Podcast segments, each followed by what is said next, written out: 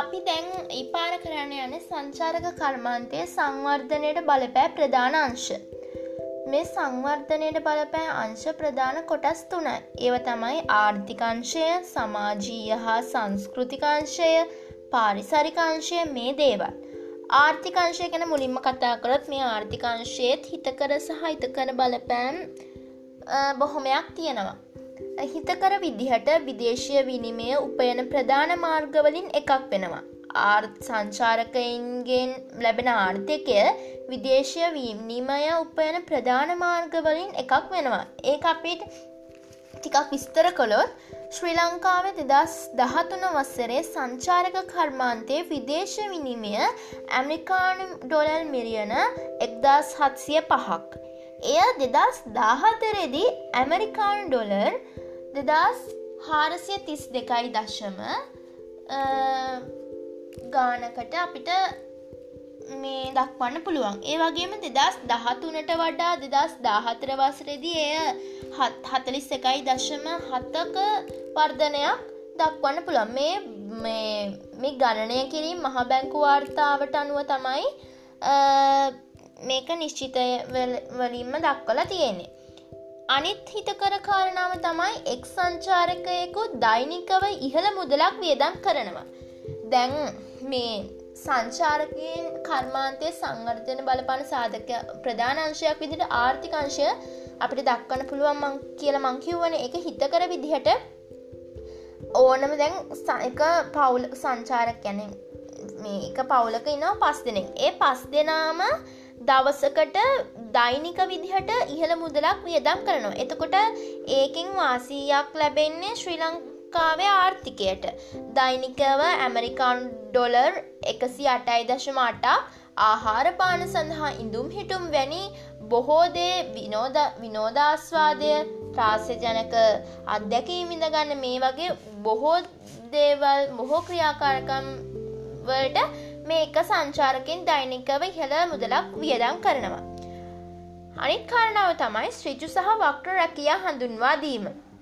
දෙදස් දාහතර වසරෙදී ශ්‍රිජු රැකියා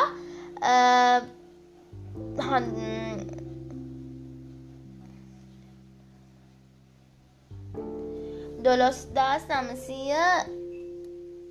අනුවක් හඳුන්වල දුන්න. ඒ වගේම කළමනා කරන හා විද්‍යාංශයෙන් දහනමදස් නමසය හත්තලිස් පහකුත් තාක්ෂණික හා ලිපිකරු පරීක්ෂණවලින් හැට හද්දාස් පන්සිය අටක් ශ්‍රමිකයන් හා යාන්ත්‍රික වලින් හතලිස් දෙදස් අටසියතිස් හතක් මේ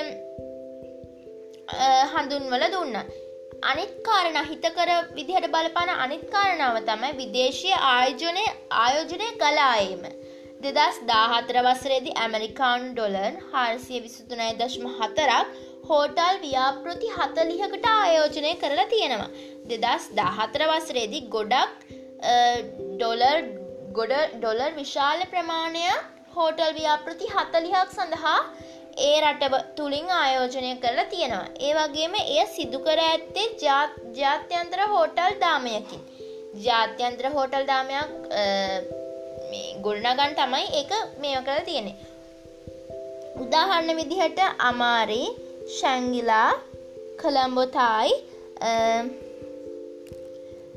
ජෙට්වින් ආදී හෝටල් මේකට දක්වන්න පුළුවන් නිදසුන් ලෙස. ආර්ථිකංශයේ මංකුව හිතකර විදිහටම ඕනම දේක හිතකර සහ හිතකර කොටස් දෙකක් තියෙනවා. එතකොට ආර්ථිකංශයේ අහිතකර විදිහට බලපාන කරුණු විදිහට බහුජාතික සමාගම්වල බැලපෑමට ලක්වීම උදාහරණයක් ඒැන මේකට විස්තර කරන්න පුළුවන් තව ටිකක් අපිට මැක්ඩොනල් KFC පිසහත් ඩොමිනෝස් වැනි බහුජාතික සමාගම්වල බලපෑමට විදේශික ජනයා ලක් වෙනවා.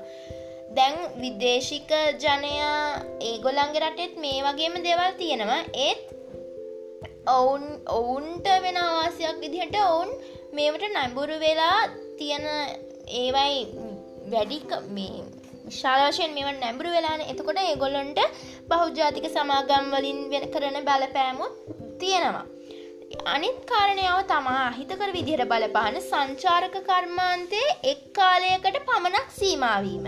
යුරෝපිය රටවලට නොවැම්බර් සිට දෙසැම්බර් දක්වා මාසයන් වල ඉතාම කටුක. ඒ ගැන ගොඩක් සීතල දේශගුණයක් තමයි නොවැම්බර් සිට දෙසැම්බර් දක්වා පවතින්නේ. මෙම මාසවලදී තමයි යුරෝපිය රටවල සිටින ජනයා ශ්‍රී ලංකාව වැනි මේ කලාපවලට පැමිණෙන්නේ. ඒ කාලවලදි තමයි මේ ශ්‍රී ලංකාවේ ආර්ථිකයට වාසි ලැබෙන්නේ ඉතින් එහෙම බලද්දී හැම කාලිම මේ මේ ආර්ථිකය වශයෙන්ම දියුණුවක් නැහැ. ඒක අහිතකර තත්ත්වයක් තමයි. සංචාරකින් කර්මාන්තය එක් කාලයකට විතර ඒගොල්ලන්ගේ රට ඒගොලන්ට සුදුසුයි නං දේශගුණය හැමාතින්ම හොඳයි නං ඒගොල්ල හෙමින්නෝ මෙහට එන්නේ ඒගොලන්ට අපහසුවෙන් ඒගැන අපහසු කාලවලතම නොවම්බර් සිට දෙසැම්බර් හිම වැටෙන කාලවලදි වගේ කාලවල තම මෙහට එන්නේ. අනිත් කාරණා විදිහට දේශීය ආහාර ඉහළ මිල ගණන්වලට මිලදී ගැනීමට සිදුවීම. දේශීය වශයෙන් සිටින මුහුදු මත්ස්‍ය වර්ගයන් ඉහළ මිලකට වෙළඳාම් කිරීම ඉස්සන් පොකිරිස්සන් කකුළුවන් වැනි සතුන් එයට නිදසුන් වෙනවා. ඒ පාර සංචාරක කර්මාන්තය සංවර්ධනය බලපාන අනිත් ප්‍රධානාංශය තමයි සාමාජය හා සංස්කෘතික අංශය. මේකෙත් හිතකර සහහිතකර කොටස් දෙකක් තියෙනවා. හිතකර විදිහට විවිධ ජාතීන් හා සංස්කෘතිය හඳුනා ගැනීමට ලැබීම ඒ කියන්නේ සමාජ හා සංස්කෘතික මේක හිතකර විදිහට අපිට බලපාන්නේ විවිධ එකැන අපිට විවිධ ජාතීනුයි විවිධ සංස්කෘතික ඒව දේව ඒ දේවල් හඳුනා ගන්න පුළුවන්. මේක විස්තර කරෝතින් බටහිර සංස්කෘතියන්ගෙන් බිහිවී ඇති විවිධ සංස්කෘතීන්ට අයත් රෙගී හිපොප් සුම්බ වැනි විවිධ නර්තන ශෛලින් අපිට හඳුනා ගන්න පුළුවන්. අපි එකම දේන කර කරන්නේ මීට වඩා අපිට වෙනස් වෙනස් විවිධත්වයක් ගන්න පුළුවන් ඔවුන්ගේ තියෙන මේ නර්තන කලාවත්. ඒක විශේෂ වැදගත්ත ඒක මේ රෙගී හිපොප් සුම්බ වැනි දේවල් ඔවුන්ගෙන් තමයි අපිට මේ ඇවිල තියෙන එතකොට අපිට ඒව තව තවත් මේ ඉගෙන ගන්න පුළුවන්. එමෙන්ම එක් සංකල් එක් සංකල්පයද විදේශය සංස්කෘතින්ට අයත් සංකල්පයක්. අපිට ඒවත් ඔවුන්ගේ තියෙන හොඳ දේවල් අපිට ඉගෙන ගන්න පුළුවන්. අනිත් කාරණාව තමයි සමාජ හා සංස්කෘතික වශයෙන් තියෙන හිතකර මේ කරුණු විදිහට සමාජය හා සංස්කෘතික අගයන් හුවමාරුව. අප්‍රේල් අවුරුදු කාලයක් කාලවලදී විදේශය කාන්තාවන් අවුරුදු උත්සවල අවුරුදු කුමාරියන්ට ඉදිරිපත් වෙනවා. සමාජය හා සංස්කෘතිකාගයන් හුවමාරු කිරීමට අපිට ඒගොල්ල ඔය මේ අප්‍රේල් මාස් අවුප්‍රේල අවුරුදු කාලවදී ශ්‍රී ලංකාව හිටියොතින් සමහර කාන්ති දෙස් කාන්තාවන් අවුරුදු උත්සවල අවුරුදු කුමාරියන්ට ඉදිරිපත් වෙනවා. නිදර්ශනයක් ලෙස අපිට දක්වන්න පුළුවන් බෙන්තර මුහුදු වෙරළ දැක්විය හැකි. මේ අවුරුදු කාලවලදී මේ බෙන්තර මුහුදු තීරයේ එක එක විවිධ අංග තියෙන අවුරුදු උත්සව අවුරුදු උත්සව මේ වලින්. කොට මේ ඒ බෙන්තර මුහුදු තීරවල ගොඩා විදේශීය ජනයා ඉන්නවා. එතකොට ඒගොල්ලෝ මේවට දායක දායක වෙනවා. විදේශයන් දේශීය ආකාරයට විවාහදිවියට ඇතුළු වෙනවා. දැන් මේ අපි කැමතින වෙනස් දේවල් කරන්න. එතකොට ඒගේ මිනිස්සුත් කැමති වෙනස් වෙනස් විදිහට ජීවත්තෙන් එතකොට විදේශයන් දේශීආකාරයට පීවාහදිවියට ඇතුළු වෙනවා. අනිත් හිතකර තව හිතකර සාධක දෙකක් දෙෙන අපේ ඒ දෙකත් කතා කරමු. ශ්‍රී ලාංකිකයන් විදේශය භාෂා ඉගෙනීමට පෙළඹීම. ශ්‍රී ලාංකිකයන් විදේශීය භාෂා. විදේශිකයන්ට මඟ පෙන්වන් හන්ට භාෂා කිහිපයක් චතුර ලෙස කතා කිරීමට හැකියාවක් තියෙනවා. ශ්‍රී ලාංකිකයන් විදේශය භාෂා ඉගෙනීමටත් පෙළඹෙනවා විදේශිකයන් සිංහල බස දෙමල වගේ දේවල් ගැනීමටත් පෙළඹෙනවද ශ්‍රී ලාංකිකයන් විදේශකයන්ට අර මඟ පෙන්වන්නන් හට භාෂා ගොඩක් ගොඩක් හොඳට කතා කරන්න පුළුවන්. එතකොට මේකෙන් වෙනවා ශ්‍රී ලාංකිකයන්ටත් විකැන ගොඩක් භාෂා ඉගෙනීමට යොමු වෙනවා පෙළඹෙනවා මේ වගේ දේවල් මේකෙන් වෙනවා. අනිත් එක තමයි ලෝක උරුම පුරාවස්තු සංවර්ධනය ලැබෙන දායකවත්තය. ලෝක උරුමයක් ලෙස සිංහරාජය ගාල දැක්විය දක්වන්න පුළුවන්. පුරාවස්තු ලෙස සීගිරිය දඹුල්ල දැක්වන්න පුළා මේවට මේවයි සංවර්ධනයට ඒතකොට ඒ මිනිස්සුත් මේවට ආදරය කරන ඒ වගේ දෙවලින් මේ සං මේ මේ දැන් මෙච්චර කලක් රැක්ගෙනාපු දේ ඉදිරියටත් මේ එහෙම කිසිම ප්‍රශ්නයක් නොවී අපට රැකගන්න පුළුවන්. ඒවගේම සමාජ හා සංස්කෘතික විදිහට අහිතකර බලපෑමුත් තියෙන මංකුව ඕනම දෙක හිතකර සහ හිතකර බලපෑම් තියෙනයක දෙන අපි කතා කරමු අහිතකර බලපෑම් ගැන. විදේශය විදේශය අයහපත් ගතිසිරිත් අනුගමනය කිරීමට හුරුවීම. ඒකනම් ගොඩක් වැරදි. විදේශීයන්ගේ අයහපත් මේ ගති පැවතුම් සිරිත්විරිත් අනුගමනය කිරීමට ශ්‍රී ලාංගික ජනය හුරුවීම අපි එක විස්තර කරෝතින් විදේශීය සංක්‍රමණවලදී සමාජ හා සංස්කෘතික වශයෙන් අහිතකර බලපෑමක් ලෙස අයහපත් සිරිත් අනුගමනය කිරීමට පුරුදු වුණා. ශ්‍රී ලාංකිකයන්. විවිධ අයහපත් වචන මාලා භාවිතය මාධ්‍ය හැසිරවීමට හා විවිධ භාෂා විෂය නිර්දේශයට ඇතුළත් කිරීම. විෂය නිර්දේශයට පවා මේ අයහපත් සිරිත් පිරිත් ඇතුළත් වුණා. අනිත් එක තමයි සදාචාර පරිහානිය හා ළමා අපචාර. මේකෙන් හිතකර මෙන්ම ගොඩක් දේවල් වුණා එතකොට අපිට සදාචාර පරිහානිය හා ළමා අපචාර බහුලව දක්වන් දැක් මේ බහුලවත් තියෙනවා. මේකට විස්තර කිරීමක් විදිහට ළමා අපචාර බහුලවීම හා ඒවා එම අපචාර වීඩියෝ ගත කොට විවිධ FB වැනි සමාජ ජාලා වෙබ් අඩවි ඔස්සේ ලෝකය පුරා බෙදා හැරීම. ළමා අපචාර කරනවා. ඒව පහුලව පවතිනවා ඒ වගේම ඒ අපචාර මේ වීඩියෝ කරලා ෆේස්බුක් වැනි සමාජ ජාලාවෙලට ලෝකය පුරාම බෙදාහරිනවා. ශ්‍රී ලංකාවට විදේශිකයන් සියට එකොළහක් වෙනත් කටයුතුවලට පැමිණෙනවා. බොහෝ ශ්‍රී ලංකිකයන් පැමිණෙන තමන්ගේ ව්‍යාපාර කටයුතු විනෝදාස්වාදය ත්‍රාසි ජනක අධ්‍යකින් මේ වගේ දෙවල් ලබාගන්න. ඒත් සියට එකොළහක් වෙනත් කටයුතුවලට පැමිණෙනවා. එම වෙනත් ක්‍රියා ඇතුළත ළමා අපචාරද ඉහළ ස්ථානයක පවතිනවා. ළමා අපචාරවලට සහ ස්ත්‍රී දූෂණ මේ වගේ දේවල්වලට සංචාරකින් සියට එකොළහා ඒගැන වෙනත් කටයුතුන ඒවට පැමිණෙනවා.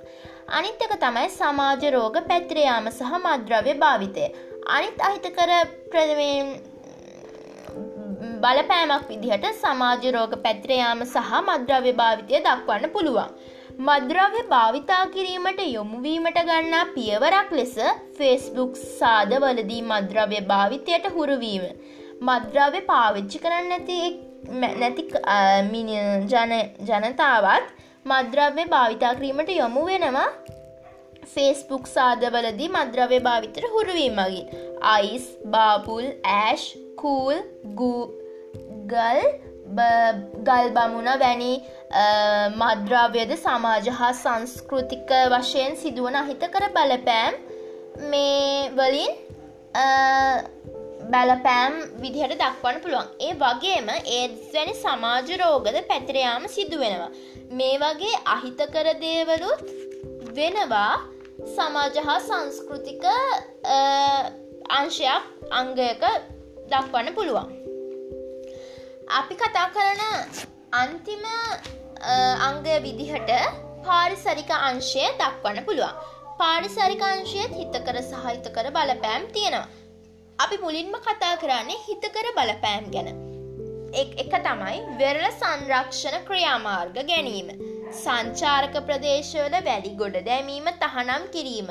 දැන් සංචාරක ප්‍රදේශවල වැලි ගොඩ දැනි ගොඩ දැමීම තහනම් කිරීම සංචාරක හෝටල් පිළිබඳව ආකර්ෂණ ආකර්ශක ක්‍රියාමාර්ග ගැනීම වැනි දෑ පාරිසරික වශයෙන් ගත හැකි හිතකර ක්‍රියාමාර්ග. දැන් හික්කඩුව මේකට නිදසුන් ලෙස හික්කඩුව බෙරල තීරය ගන්න පුළුවන්. වෙරල සංරක්ෂණ ක්‍රියාමාර්ගවලදී අපිට මේ වගේ දේවල් කරන්න ඇතුව හිටියෝතින් අපිට අපේ අපිට අපේ මේ දේවල් රැකගන්න පුළුවන්. අනිත් එක තමයි සංචාරක ව්‍යාපාරය පරිසරය මත බොහෝ දුරට නැතිවීම නිසා පරිසරය සුරැකීමට කටයුතු කිරීම. විදේශ රටවලින් පැමිණෙන සංචාරකයින් ශ්‍රී ලංකාවේ සුන්දරත්වය නරඹන අතරම වෙරලාසන්නේ ඇති ප්ලාස්ටික් බෝතල් කුණු කුණු කසල ඉවත් කොට පරිසරය සුන්දරව තබා ගැනීමට දායක වෙනවා. විදේශ රටවලින් පැමිණෙන සංචාරකින් සමහර දිනවලට ශ්‍රී ලංකාවේ සුන්දරත්වය නරඹන අතරම වෙරලාසන්නේ ඇති ප්ලාස්ටික් බෝතල් අහිත් පරිසරයට අහිත කර වගේ තියෙන ප්ලාස්ටික් ඒව මේවා මේ ඉවත් කරනවා මේ පරිසරේ සුන්දරත්වය තබා ගැනීමට ඒගොලොත් අපිට උදව් වෙනවා. ඒ වගේම නව පාරිසරික සංචාරක නිකේතන නම් කිරීම. තව පරිසර හිතකාමී සංචාරක නිකේතන ගොඩනගමින් උදාහරණයක් විදි මේ වරහන් ඇතුළ අපිට දක්වන පුළන් ඉක්‍රෝලිය ලෙසින් කණ්ඩලම හෝටලය පවතිනවා. ඒ කියන් ඒ ඇනේ නව පරිසර හිතකාමි සංචාරක නිකේතන. එමෙන්ම වර්තමානයේ වෙරලාශ්‍රිත මෙන්ම ග්‍රාමිය වශයෙන් නවීන පන්නේ විලා ව්‍යාපෘති ගොඩනගමින් යයි. උදාහන විදිහට රොස්වුඩ් කන්ට්‍රි විලා ඒ වගේ විලාස් සහ බියටි විලා ආදිය නිදසුන් ලෙස දක්වන්න පුළුවන්. අහිතකර ප්‍රතිඵල විදිහට ජෛව හා ජාන මංකොල්ලය පාරිසරික අංශය අහිතකර ක්‍රියාකාරකම්ද සිදුවෙනවා. ඒව තමයි තාරක තාරකායිබ්බා වල් වල්ල කබරහූනා හිඹුටු වැනි ජෛව පරිසරයට අයත් සතුන් විදේශ රටවල්වලට ප්‍රවාහණය කරනවා. මේ වගේ කට්ටිය විදේශ රටවල් ප්‍රවාහණය කරන මේගොලන්ගේ ජාන අරගෙන ජානමංකොලයක් මෙතින්ති සිදු වෙනවා. ඒ වගේම කොල උන වැනි ඖෂධීය ශාකවල ජානමංකොල්ලය මංකොල්ල කෑම් එම ඖෂධය ජීවන කාලය වැඩි කරන හෙළ ඔසුවක්. මේ කොල උන වගේ ඖෂධ ලංකාවෙ තියෙන ගොඩක් දෙවල් ගොඩක් ප්‍රයෝජනවත් ඒවා වෙනත් රටවලට අරංගිහිල්ලා මිනිසුන්ගේ ජීවන කාලය වැඩි කරන හෙලෝසු ලෙස මෙම පාවිච්චි කරනවා. රයිනෝ අංද ජාන මංකොල කෑමට දැක්විය හැකිය. මේ වගේ ගොඩක් දේවල් තියෙනවා අපේ රටෙන් වෙනක් රටවලට ගෙනහිල්ලා එගොල්ලෝ එවැම් ප්‍රයෝජන ගන්නවා ඒවයි ගොඩක් මේ ගොඩක් ප්‍රයෝජන අරගෙන ජානමංකොල්ලේ ගොඩක් විදි ජෛව හා ජානමංකොල්ලෙ කියනදේ ගොඩක් මේ විශාල වශයෙන් ඒ රටවල්වල සිදු වෙනවා අනි අහිතකර කරුණ තමයි ජාත්‍යන්තර බලවතුන් විසින් පරිසර ආර්ථික ප්‍රතිපත්ති ක්‍රියාත්මක කිරීම විස්තර කරෝතින් කාබන් වෙළදාම ජාත්‍යන්තර වශයෙන් අහිතකර පාරිසරික තත්ත්වයක්. කාබන් වෙළදාම කියන්නේ ජාත්‍යන්තර වශයෙන් අහිතකරම පාරිසරික තත්ත්වයක්. පේටන් බලපත්‍රය අවශ්‍ය සාධකයක් මෙවැනි ක්‍රියාකාර ක්‍රියාවන් සිදුකිරීමේදී පේටන් බලපත්‍රයක් අවශ්‍යන ඒත් ඒ වගේ දේව ඒ වගේ දෙයක්වත් එහෙම දේවල් නැතුවත් කාබන් වෙළදාම ජාත්‍යන්තර වශයෙන් අහිතකර පරිසරික පාරිසරික තත්ත්වයක් විදිහට අපිට දැන් බලපාල තියෙනවා.